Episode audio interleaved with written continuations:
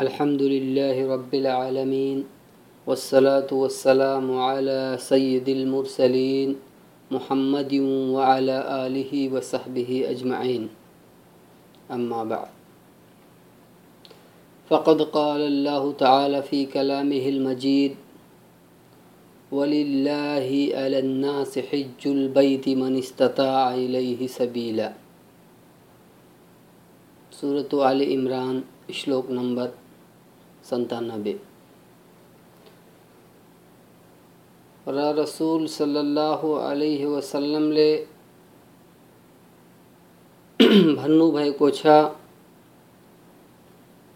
बुनियल इस्लाम अला खमसिन शहादत अल्ला इलाह इल्लल्लाह व अन्न मुहम्मद रसूलुल्लाह व इकामिस सलात व इताइज़ ज़कात व सौम रमज़ान हज्जुल बैत मन इस्ता सबीला उपस्थित भएका सज्जन गणहरू र हाम्रा साथीभाइ र दिदीबहिनीहरू आजको यस शुभ अवसरमा म तपाईँहरूको सामुन्ने हजको बारेमा केही ज्ञानवर्धक कुराहरू गर्न आँट गरेको छु। अल्लाहसित बिन्ती छ कि अल्लाह हामीलाई सत्य भन्ने र सत्य बमोजिम कार्यरत रहने सो अवसर प्रदान गरून् आमिन। यस वक्तव्यमा यदि कुनै कमी कोताही अथवा त्रुटि हुन्छ भने त्यो मेरो तर्फबाट हो, र यदि म सत्य भन्छु भने त्यो अल्लाहको तर्फबाट हो। मैले अहिले तपाईँहरू सामुन्ने कुरानको एउटा श्लोकको पाठन गरेछु। पहिला त्यसको अर्थ हेर्नुहोस्। अनि हजको बारेमा केही कुरा अवश्य सुनाउनेछु। अल्लाह ताला भन्नुहुन्छ वलिल्लाहि अलन्नास हिज्जुल बैति मन इस्तता इलैहि सबीला। अर्थात् अल्लाहले उनीहरूमाथि जुन उसको घर काबासम्म जान लागत अर्थात सामर्थ्य राख्छन् उनीहरूमाथि त्यस घरको यात्रा अनिवार्य गरिदिएछ र रसूल सल्लल्लाहु अलैहि वसल्लमले भन्नुभएछ जो कोही यस अल्लाहको घरमा आयो कुनै अश्लील कुरा र कर्म भने ऊ पापबाट मुक्त भएर यस्तो फर्क्यो जस्तो आमाको पेटबाट जन्मको दिन थियो। यस हदिसलाई बुखारी र मुस्लिमले रिवायत गरेका छन्। र अघि जुन हदिस को मैले पाठन गरेछु, त्यसको अर्थ हो कि इस्लामका पाँच आधारहरू छन्। जुन मध्ये एउटा हो। ला इलाहा मुहम्मद रसुल्लाहको गवाही दिनु, अर्थात साक्ष्य बस्नु। र नमाज़ पढ्नु, जकात दिनु, रा धर्मदाय दिनु। र रमज़ान महीना को व्रत बस्नु। र यदि सीता सामर्थ्य छ भने, अल्लाह को घर काबाको एकचोटि यात्रा गरोस्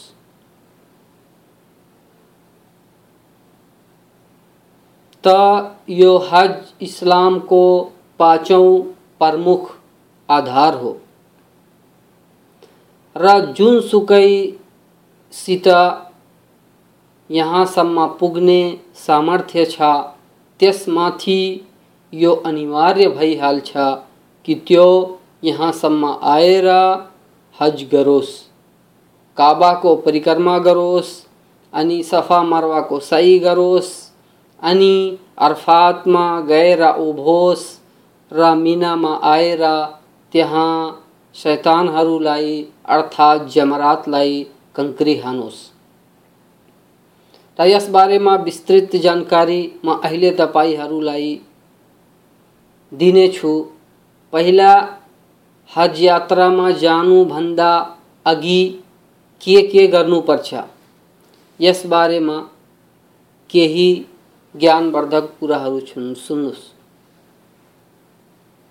अल्लाह ताला यहाँ प्रत्येक व्यक्ति व्यक्तिलाई जसले का साथ बिन्ती गर्छ र पवित्र हलाल धन खर्च गरेर यस मक्कासम्म यस बैतुल्लासम्म पुगेको छ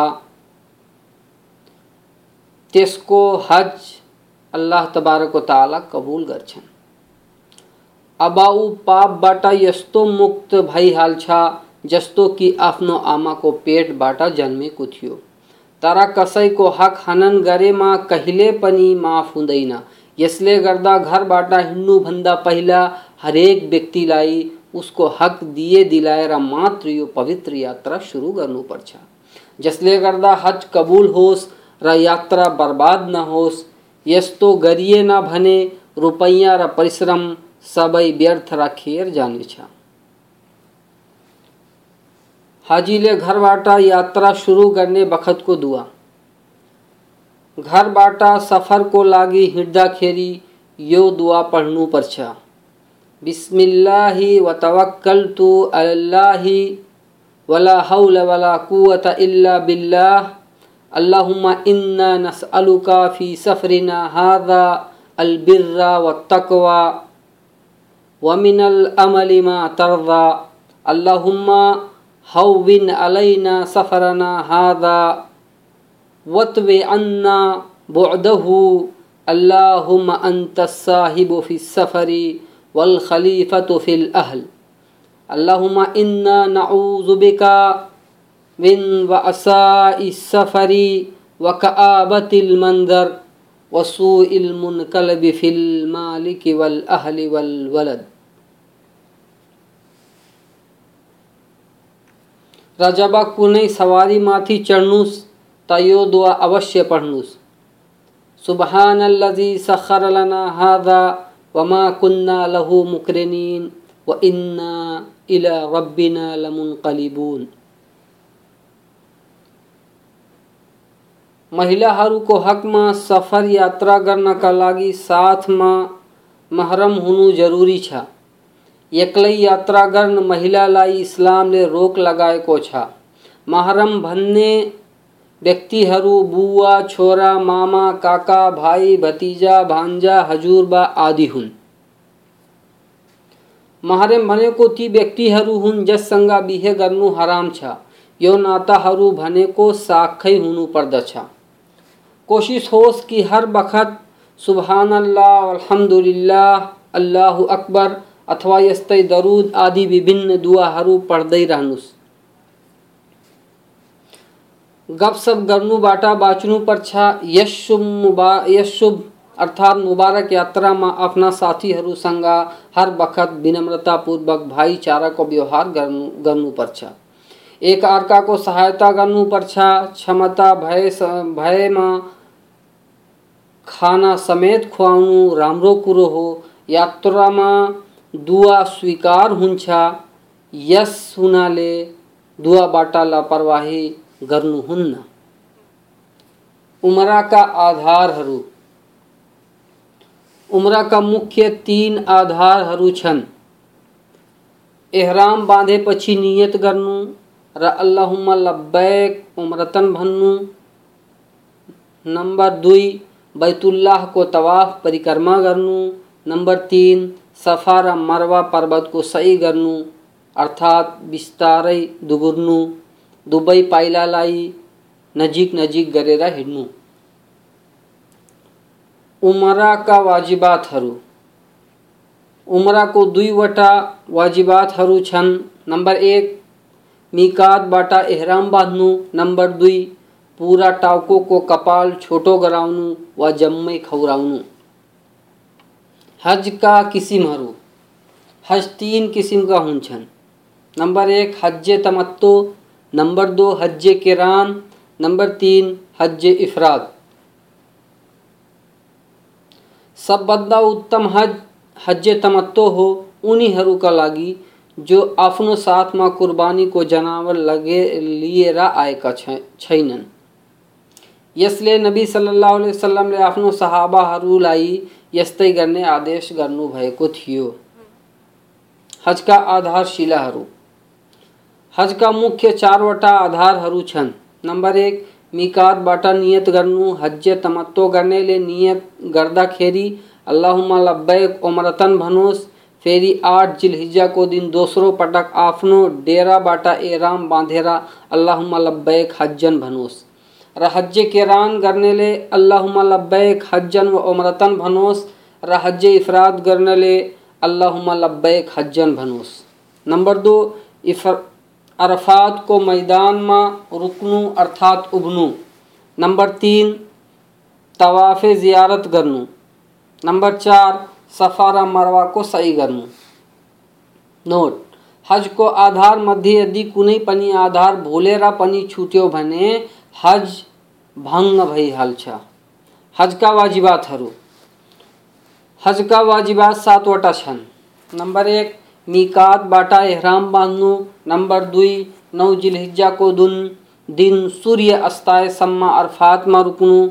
नंबर तीन दसौं जिलहिज्जा को रात्रि, अर्थात कुर्बानी को रात, मुजदलिफा में बिताउनु। नंबर चार, दस जिलहिज्जा को दिन मात्र ठूलो शैतान जमरा लाई। र ग्यारह र बारह जिलहिज्जा को दिन तीन वटै शैतानहरूलाई क्रमशः अल्लाहुम्मा अल्लाह अकबर भनेर सात सातवटा ढुङ्गा अर्थात कंकरी हान्नु। नंबर पाँच, ग्यारह र बारह जिलहिज्जा को राति मीनामा बिताउनु। नंबर छ, पूरा टाउका को कपाल छोटो गराउनु वा जम्मै खौराउनु। तर खौराउनु नै उत्तम हो। नंबर सात, तवाफे वेदा अर्थात अंतिम तवाफ गर्नु। यदि हजको कुनै वाजिब छुट्यो भने त्यस व्यक्तिमाथि दम दिनु अर्थात् एउटा जनावरको बलि दिनु अनिवार्य भइहाल्छ। जुन जनावर हरमको सीमामा बलि गरिनुपर्छ र मक्काका गरिबहरूलाई बाँड्नुपर्छ हाजी स्वयं आफू त्यसमध्ये खान सक्दैन। एहरामको हालतमा वर्जित कार्य गरे बापत दण्ड कफाराहरू एहरामको हालतमा वर्जित कार्य। नम्बर एक शरीरको कुनै पनि भागबाट बाल झिक्नु, काट्नु वा खौराउनु। नम्बर दो नंग काट्नु। नंबर तीन, खुशबू, सुगंध लगाउनु। नंबर चार, पुरुष मान्छेले टाउको छोप्नु। नंबर पाँच, पुरुष मान्छेले सिलेको लुगा लगाउनु। र महिलाले हातको पन्जा र नकाब लगाउनु तर महिलाको वरिपरि अजनबी मान्छेहरू भएको अवस्थामा पूर्ण रूपले पर्दा गर्नु अनिवार्य छ। यदि माथिका उल्लेखित पाँच वर्जित कार्यहरूमध्ये कुनै बिर्सेर अथवा गल्तीले भइहालोस् भने उसमाथि कुनै दण्ड पर्याश्चित छैन। र यदि जानी जानी उक्त कार्यहरूमध्ये कुनै कार्य गरियो भने उसमाथि दण्ड छ। तिन दिन व्रत बस्ने वा छे मिस्किनहरू गरिबहरूलाई एक बखतको खाना खुवाउने अथवा दम दिने, अर्थात बलि दिने। तीन मध्ये एक दंड बिहोर्नु, अवश्य नै बिहोर्नु पर्छ। नम्बर छ, बर्री अर्थात जमिनमा थलमा जनावरको शिकार गर्नु वा शिकारीको सहायता गर्नु। यसको कफारा त्यसै जनावर बमोजिम सदका गर्नु हो। नम्बर सात मगनी गर्नु वा गराउनु बिहे गर्नु वा गराउनु यसको कफारा मात्र दुआ र इस्तिगफार हो। नम्बर आठ आफ्नो श्रीमतीसँग चुम्बन गर्नु यदि प्रसङ्ग भए छैन भने उसमाथि तौबा र इस्तिगफार छ, र यदि स्त्री प्रसङ्ग भइहालोस् भने त यसको प्रयाश्चित एउटा गाई वा ऊँट जवाह गरेर मक्काका गरिबहरूमा बाँड्नु पर्नेछ नम्बर नौ श्रीमतीसँग सहवास गर्नु। यदि सहवा दस हिज्जा को चार कार्यहरूमध्ये कुनै दुई कार्य गर्नुभन्दा पहिले नै गरेको भए हज खण्डित भइहाल्छ। हजको बाँकी कार्य पुरा गर्नुपर्नेछ अघिल्लो वर्ष दोस्रो पटक हज गर्नुपर्छ र एउटा ऊँट वा गाई हरमको सीमामा जबाह गरेर मक्काका गरिबहरूमा बाँड्नु पर्नेछ। र यदि सहवास दस तारिक को चार कार्यहरूमध्ये कुनै दुई कार्य गरेपछि गरेको छ भने त उसको हज सही हुनेछ, तर उसलाई उठको कुर्बानी गर्नुपर्नेछ, अर्थात् दम दिनुपर्छ। महिलालाई यदि एहरामको हालतमा, एहरामको अवस्थामा मासिक धर्म आदिको रगत आयो भने ऊ बैतुल्लाहको तवाब बाहेक हज र उम्राका बाँकी सबै विधिहरू र कार्यहरू पुरा गर्न सक्छिन् हज र उम्राको विधि। पहिला एहरामको कपडा। हज र उम्राको लागि सबैभन्दा पहिलो कुरो एहरामको कपडा हो। एहरामको कपडा मात्र लोग्ने मान्छेहरूलाई अर्थात् पुरुषहरूलाई आफ्नो साथमा राख्नुपर्छ जुन एउटा चादर र एउटा लुङ्गीको रूपमा बिना सिलेको हुनेछ महिलाहरूले जुनसुकै प्रकारको लुगा लगाउन सक्छिन्, यस शर्तका साथ कि जसले पुरा जिउ अर्थात् शरीर छोपोस् र ढिलो पनि होस्, ती सबै जायज़ छ। यही नै महिलाको हेराम हो र उनीहरूलाई सेतो रङको, चुन्नो टाउकोमा अथवा पुरा शरीरमा हाल्नु जरुरी छैन। बरु कुनै पनि प्रकारको रङको चुन्नी वा चादर आफ्नो जिउ छोप्नका लागि प्रयोग गर्न सकिन्छ। जहाजमा चढ्नुभन्दा पहिला नुहाएर लोग्ने मान्छेले आफ्नो क्षमता अनुसार तेल र खुसबु जे पनि होस् लगाएर बिना सिलेको सेतो लुगा, लुङ्गी झैँ लगाउने र एउटा सेतो चादर काँधामा हालेर ओढ्ने तर टाउको खुल्ला राख्ने। र महिलाहरूले पनि नुहाएर सिलेको जुनसुकै किसिमको लुगा लगाउन सक्छिन्। यस शर्तको साथ कि पुरा जिउ छोपेको होस्। अनि मिकातभन्दा केही अगाडि नै जहाजमा सूचना दिइन्छ कि केही समय पश्चात हामी मिकातबाट गुजर्नेछौँ अनि वजु नगरेकोले वजु गर्ने अथवा पहिलेदेखि वजु गरिराखेका व्यक्तिहरूले दुई रका सुन्नत पढ्ने यदि पढ्न सकिन्न भने कुनै दोष छैन। मिकातको सीमामा पुग्ने बित्तिकै नियत गर्दै यो दुआ पढ्ने नियतको दुआ। लब्बैक अल्लाहुम्मा उमरतन, महिल्ली हैसो हवेसतनी यसपछि यो तलबिया भन्ने, लब्बैक अल्लाहुम्मा लब्बैक लब्बैक ला शरीक लक लब्बैक, इन्नल हमदा व निअमत लक, वल मुल्क ला शरीक लक। यो तलबिया बारम्बार निरन्तरताले धेरैभन्दा धेरै पढ्दै रहने र महिलाहरूले मसिनो स्वरमा पढ्नुपर्छ यदि हाजी जहाजबाट यात्रा गरिरहेछ भने मिकातमा सूचना दिएन भने जिद्दामा एहराम बाँध्यो र नियत गर्यो भने एहराम र नियत सही हुनेछ। काठमाडौँ, दिल्ली अथवा परसम्म जहाज़ उडेपछि मिकात आउनुभन्दा पहिला न त नियत गर्नुहोस् न त तलबिया पढ्नुहोस् एहरामको लुगा पहिलादेखि लगाएमा कुनै दोष छैन, तर मिकातमा प्रवेशभन्दा पहिला उम्रको नियत गर्नु वा तलबिया पढ्नु ठुलो गल्ती हो, बरु बिदात हो। बिदअत इस्लामी विधान विरुद्ध कुनै यस्तो कार्य गर्नु जुन रसुल सल्लाह वसल्लमले गरेका छैनन्। अर्थात्, इस्लामीय विधान विधानमा कुनै नौलो कार्य आविष्कार गर्नुलाई नै बिदअत भनिन्छ। र तलबिया त्यस बखतसम्म पढ्नु, जबसम्म हरमको नजिक पुगेर बैतुल्लाहलाई हेर्न सकिन्न। अतः बैतुल्लाहलाई हेरेपछि तलबिया पढ्न बंद गरिदिनुहोस् र वजु गरेर मात्र हरममा प्रवेश गर्नुपर्छ र पहिला दायाँ खुट्टा भित्र राखी यो दुआ पढ्नुहोस् अल्लाहुम्मा सल्ली अला मुहम्मद वबारिक वसल्लिम अल्लाहुम्मा अफ्तहली अबुआब रहमतिक।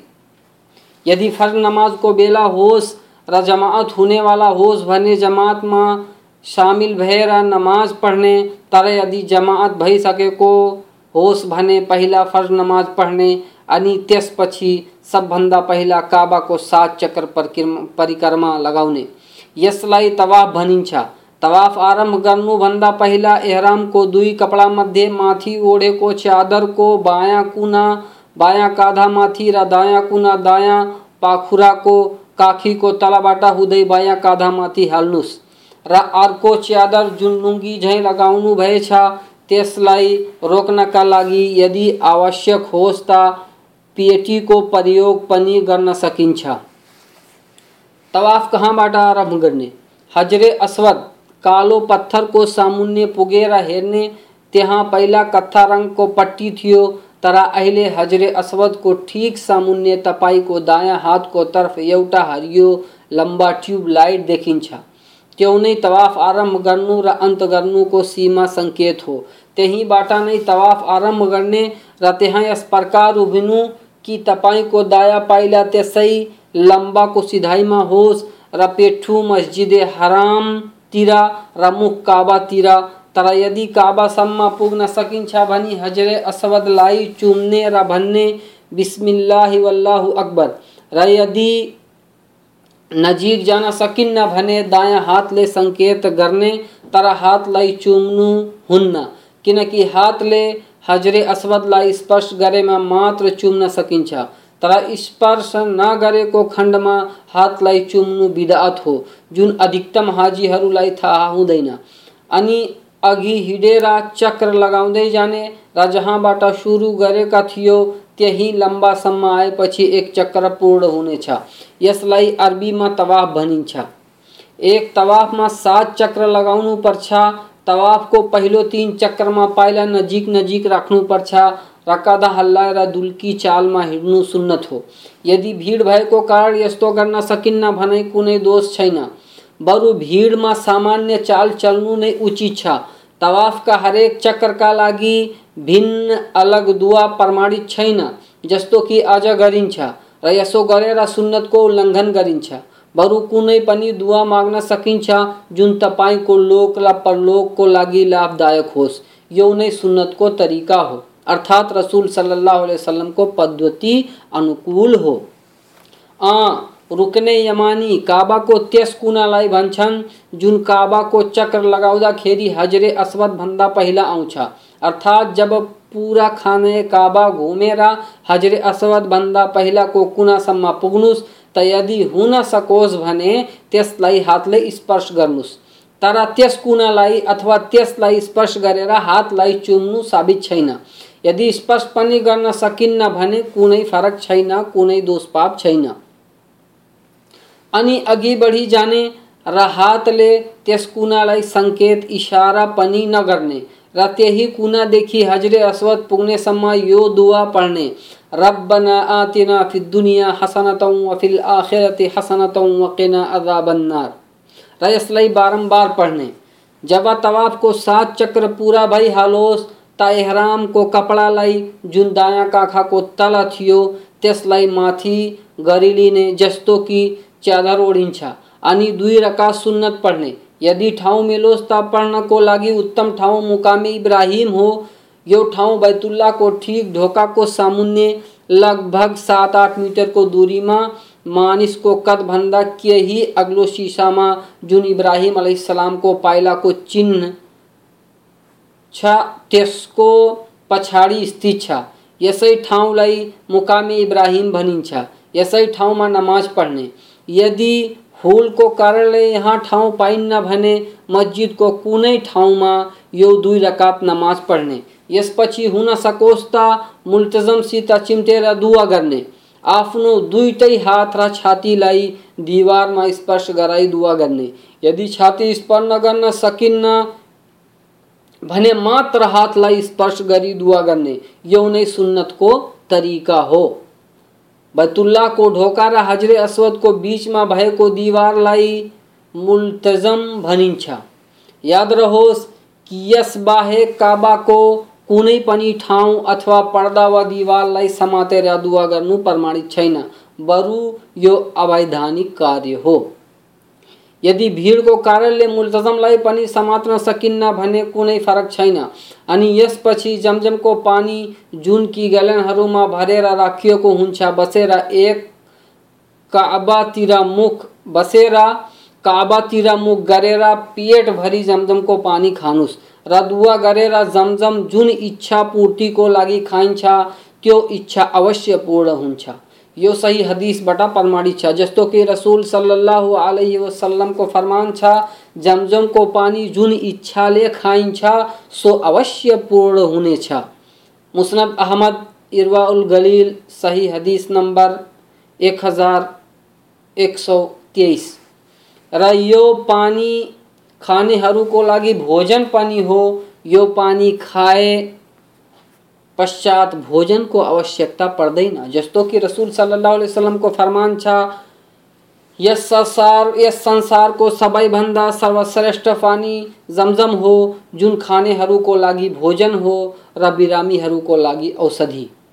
तबरानी इब्न हिब्बान अलजाम उस सगीर अतरगीब व तरहीब र अब हजरे असवदलाई आफ्नो पेठ्युको पछाडि गर्नुहोस् र सोझो हिँड्नुहोस् त मस्जिदे हरमबाट हुँदै सफ़ा पहाडसम्म पुगिन्छ र सफाको नजिक पुगेर भन्ने, इन्न सफ़ा वल मरवत मिन शाइरिल्लाह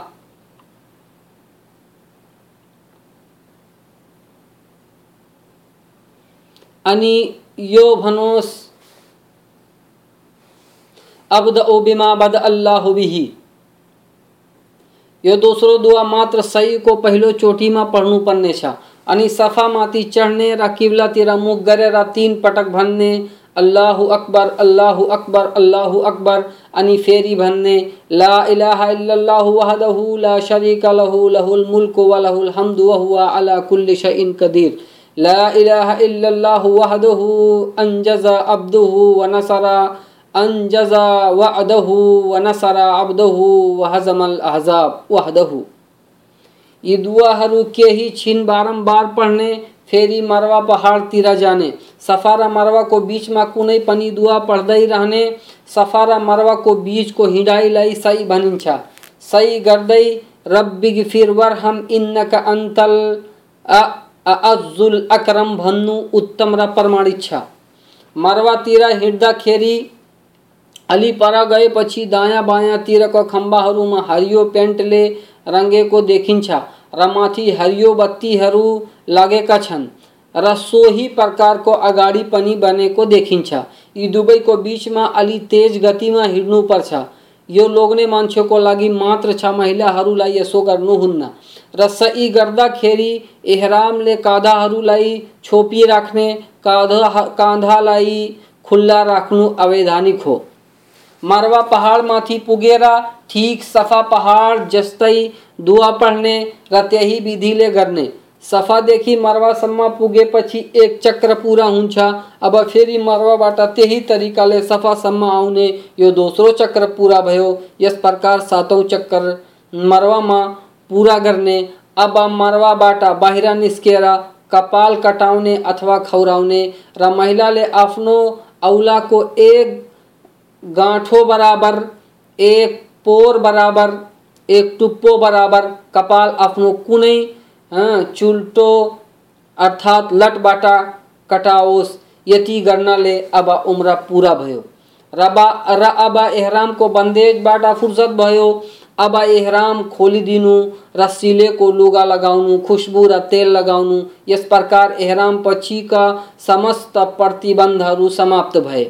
जुन माथि एहरामको जुन कि एहरामको हालतमा जायज़ थिएन अब मक्कामा बसेसम्म तवाफ धेरै गर्नुपर्छ यो क्रिया अल्लाहलाई धेरै मनपर्छ यो तवाफको प्रक्रिया सकेसम्म सात जिलहिज्जासम्म गर्ने र यो उम्र पश्चातको तवाफलाई नफिली तवाफ भनिन्छ यसको साथमा सही गर्नुहुन्न र आठ जिलहिज्जादेखि हजको प्रक्रिया आरंभ हुन्छ जमरा शैतानलाई ढुङ्गा हान्ने तरिका। ढुङ्गा हान्ने तरिका यो हो कि ढुङ्गा दायाँ हातमा लिने र शैतान जसलाई अब दिवार जस्तो पिल्लरको रूपमा देखिन्छ लाई बिस्मिल्लाह अल्लाहु अकबर भनेर हान्ने। जुन गोल आकारको आकारमा बनेको छ त्यसभित्र ढुङ्गा खस्नु जरुरी छ हान्दाखेरि दायाँ हात मिनातिर र बायाँ हात काबातिर र मुख शैतानतिर होस्। पहिलो र, दोस्रो शैतानलाई ढुङ्गा हानेपछि किब्लातिर मुख गरेर शैतानदेखि केही पर सरेर दुआ गर्नुहोस् क्षमा याचनाको दुआ गर्नुहोस् अनि तेस्रो ठुलो शैतानलाई ढुङ्गा हान्नुहोस् तर ठुलो शैतानलाई ढुङ्गा हानेपछि अघि बढी जाने अर्थात दुआ अर्थात् दुवा गर्नुहुन्न हजका पाँच दिनहरू पहिलो दिन। आठ जिलहिज्जा को दिन बिहान सबेरै आफ्नो डेराबाट नुहाएर, लोग्ने मान्छेले आफ्नो क्षमता अनुसार सुगन्ध अथवा तेल जे प्राप्त होस् लगाएर एहरामको लुगा लगाउने। र महिलाहरूले पनि नुहाएर जुनसुकै सिलेको लुगा लगाउने, र भन्ने अल्लाहुमा लब्बैक हज्जन। र नास्ताको समयदेखि लिएर जवाल मध्यान्ह भन्दा पहिले नै मिनामा पुगिहाल्ने मिनामा जोहर, असर, मगरिब, इशारा फजर को नमाज़, आफ्नो आफ्नो समयमा कसर गरेर, अर्थात चार रकात भएको नमाजलाई दुई दुई रकात पढ़ने। तर मगरिब रा फजर को नमाज़ नमाजमा कसर हुँदैन, किनकि यी नमाजहरू चार रकात छैनन्।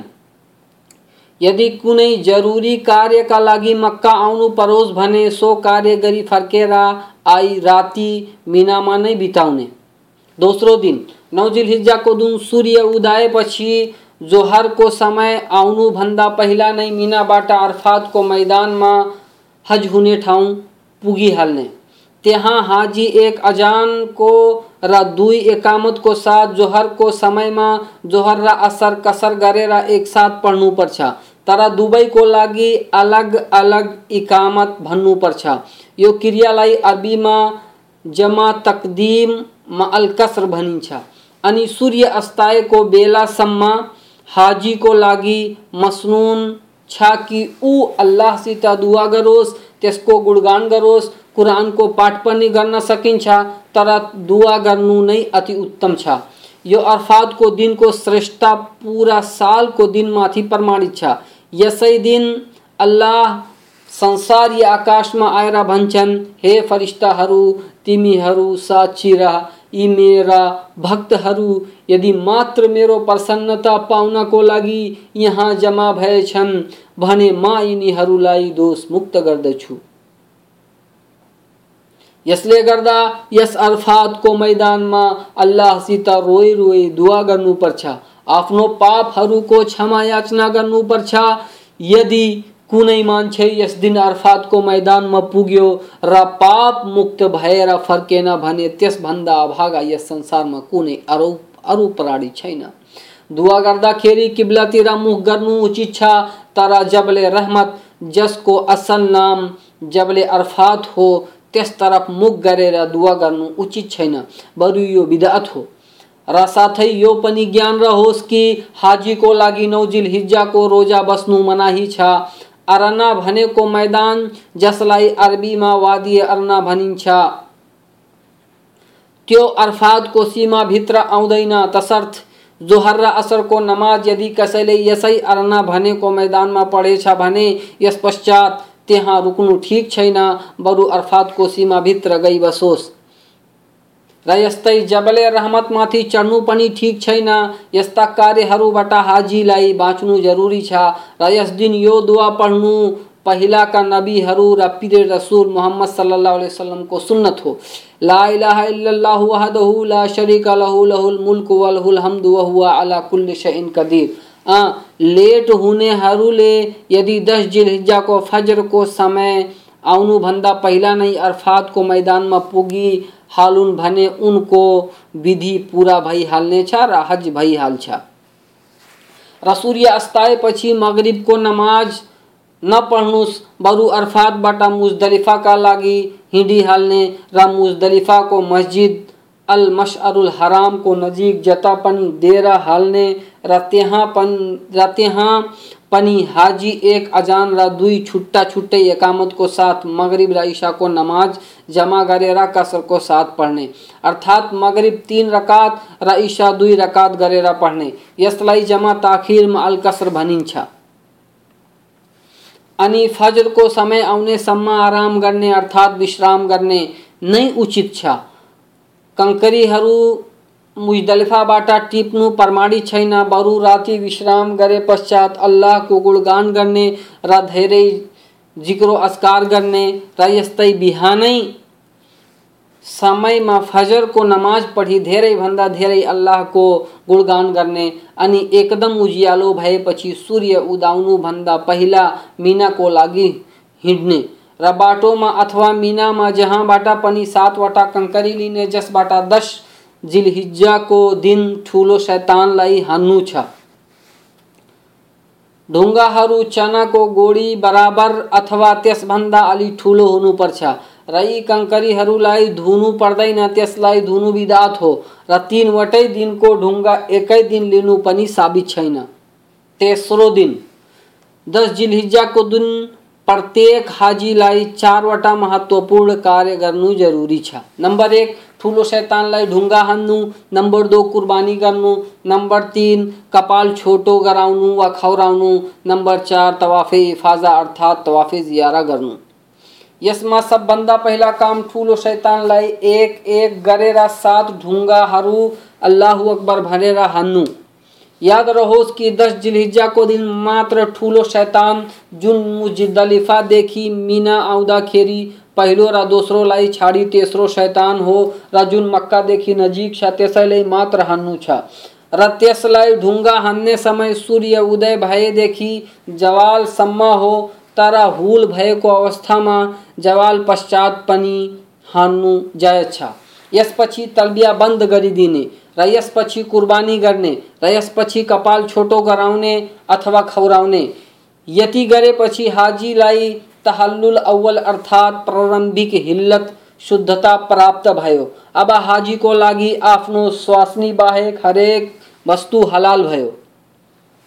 यी सबै कार्य क्रमशः गर्नु राम्रो हो, तर अघि पछि भएमा कुनै दोष छैन। यसपछि तवाफे इफाजा गर्ने, तवाफे इफाजा गरेपछि एहरामको पुरा बन्देज समाप्त भयो र अब आफ्नो श्रीमती पनि हलाल भयो, अर्थात् श्रीमतीसँग सम्भोग पनि हलाल भयो। तवाफे इबादा यदि त्यसै दिन गर्न सकिन्न भने कुनै दोष छैन। बरु हरममा धेरै हुल होस् भने दस जिलहिज्जाको दिन तवाफ नगरिकन अर्को दिन गर्नु नै उचित छ। किनकि अल्लाहको भनाइ छ, आफूलाई आफै नमार सुरतुल बकरा, श्लोक नम्बर एक सय पन्चानब्बे र सुरतुल निसा, श्लोक नम्बर उन्तिस। र अर्को ठाउँमा अल्लाहको भनाइ छ, अल्लाह तिम्रो निम्ति सुविधा चाहन्छ, कठोरता चाहँदैन। सुरतुल बकरा, श्लोक नंबर एक सय पचासी।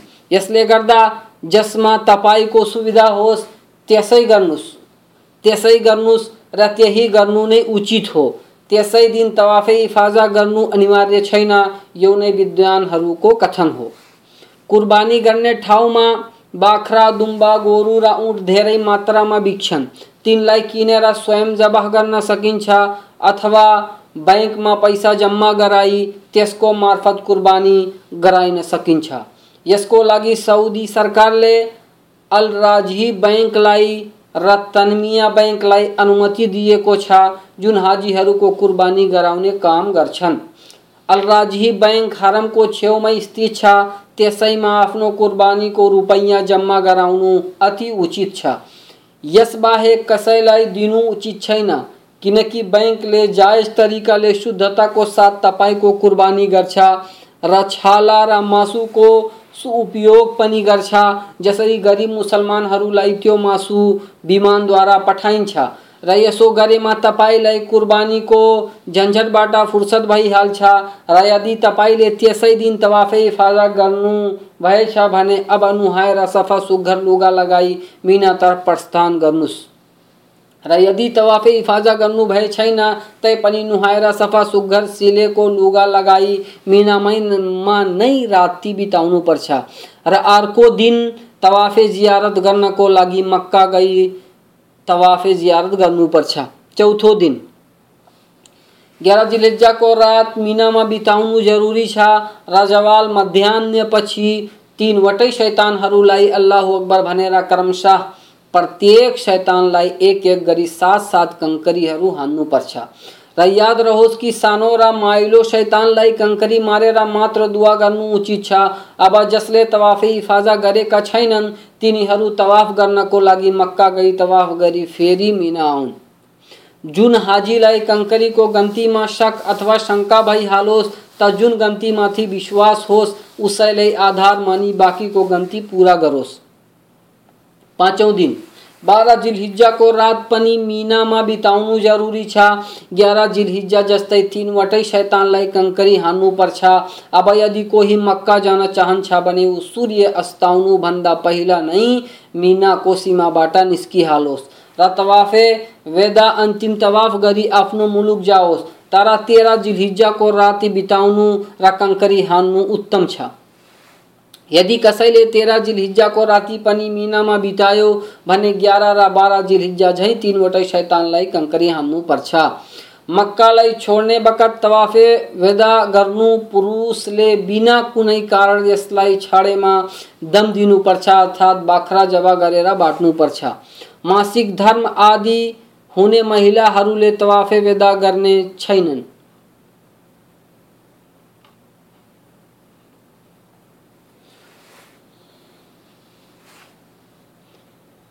जियारत मदीना। यो कार्य गरे पश्चात तपाईँको हज पूर्ण भयो। अब, तपाई को हज में कुनै कमी कोताही छैन। अब, यस पश्चात हाजीहरू मदिनाको जियारतको लागि मदिना जान्छन्। त्यहाँ गरिने र नगरिने केही कार्यहरूको यहाँ वर्णन गर्न लागेको छु।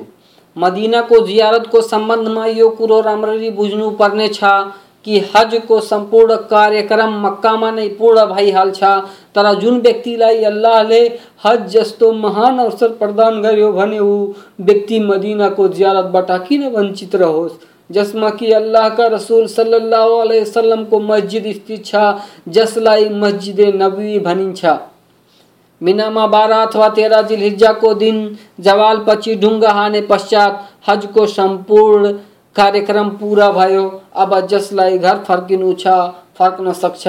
र जसलाई मदिना जानु छ, जान सक्छ। र मस्जिद नबीमा चालिस बखतको नमाज़ पढ्नुको रिवायत, मिथ्या र झुटो हो। तसर्थ, जति बखतको नमाज़ त्यहाँ पढ्नु अवसर मिलोस् पढ्नुहोस् कुनै बन्देज छैन। मदीनामा मस्जिदे सबआ, सात मस्जिदहरू र मस्जिदे किब्लतैन आदिको दर्शनको कुनै प्रमाण छैन। र न त त्यसमा नमाज़ पढेमा अरू मस्जिदभन्दा धेरै पुण्यको कुनै प्रमाण छ। बरु मदिनामा मस्जिदे कुबामा जानु र त्यसमा दुई रकात नमाज़ पढ्नुको सवाब पुण्य एक उम्राको बराबर छ र यस्तै बकी र उहुदको कब्रिस्तानलाई दर्शनको नियतले जानु साबित छ। तर यहाँ गएर शरई दुआ, वैधानिक दुआ मात्र पढ्नु पर्छ। जुन यो हो, अस्सलामु अलैकुम, या अहली दियार मिनल मुमिनीन वल मुस्लिमीन। व इन्ना इंशा अल्लाह बिकुम लाहिकून। नसअलुल्लाह लना वलकुम अल आफिया यदि मदीनाबाट मक्का फर्कनुस् भने त मदिनाबाट लगभग चौध किलोमिटरको दूरीमा जुलहुलैफा जसलाई आज भोलि बियारे अली भनिन्छ त्यहाँको मस्जिदमा एहराम बाँधेर दुई रकात नफिल पढ्नुमा कुनै दोष छैन। बरु यसो नै गर्नु, यसै नै र मक्का पुगी उम्रा गर्नु नै उत्तम हो। मक्कामा गारे हिरा, गारे सौर मस्जिद बिलाल र मोहम्मद सल्लाह अलैहि वसल्लमको जन्मिने ठाउँ जन्मभूमिको खोजी गर्नु र दर्शन गर्नु यसको कुनै सबुत छैन। यसर्थ, यसको लागि आफ्नो बहुमूल्य समय नष्ट नगर्नुहोला यस पुस्तिकामा वर्णन गरिएका विधिहरू बमोजिम हज उम्रा गरेमा तपाईँको हज र उम्रा शुद्धताको साथ रसुल सल्लल्लाहु अलैहि वसल्लमको पद्धति अनुकूल पूर्ण भयो। अल्लाह सबैको हज र उम्रालाई कबुल गरून्। अन्तमा म अल्लाहसित प्रार्थना गर्दछु कि अल्लाह तपाईँ सबैको हज कबुल गरून् र तपाईँहरू हज गर्दाखेरि र अर्फातको मैदानमा दुवा गर्दाखेरि म सेवकलाई नबिर्सनुहोला अल्लाह हामी सबैलाई हज गर्ने तौफिक दो देऊन् र हाम्रो हजलाई कबुल गरी स्वर्गमा हामीहरूलाई मोहम्मद सल्लल्लाहु अलैहि वसल्लम र उहाँका साथीहरूको साथ स्थान प्रदान गरून् आमिन।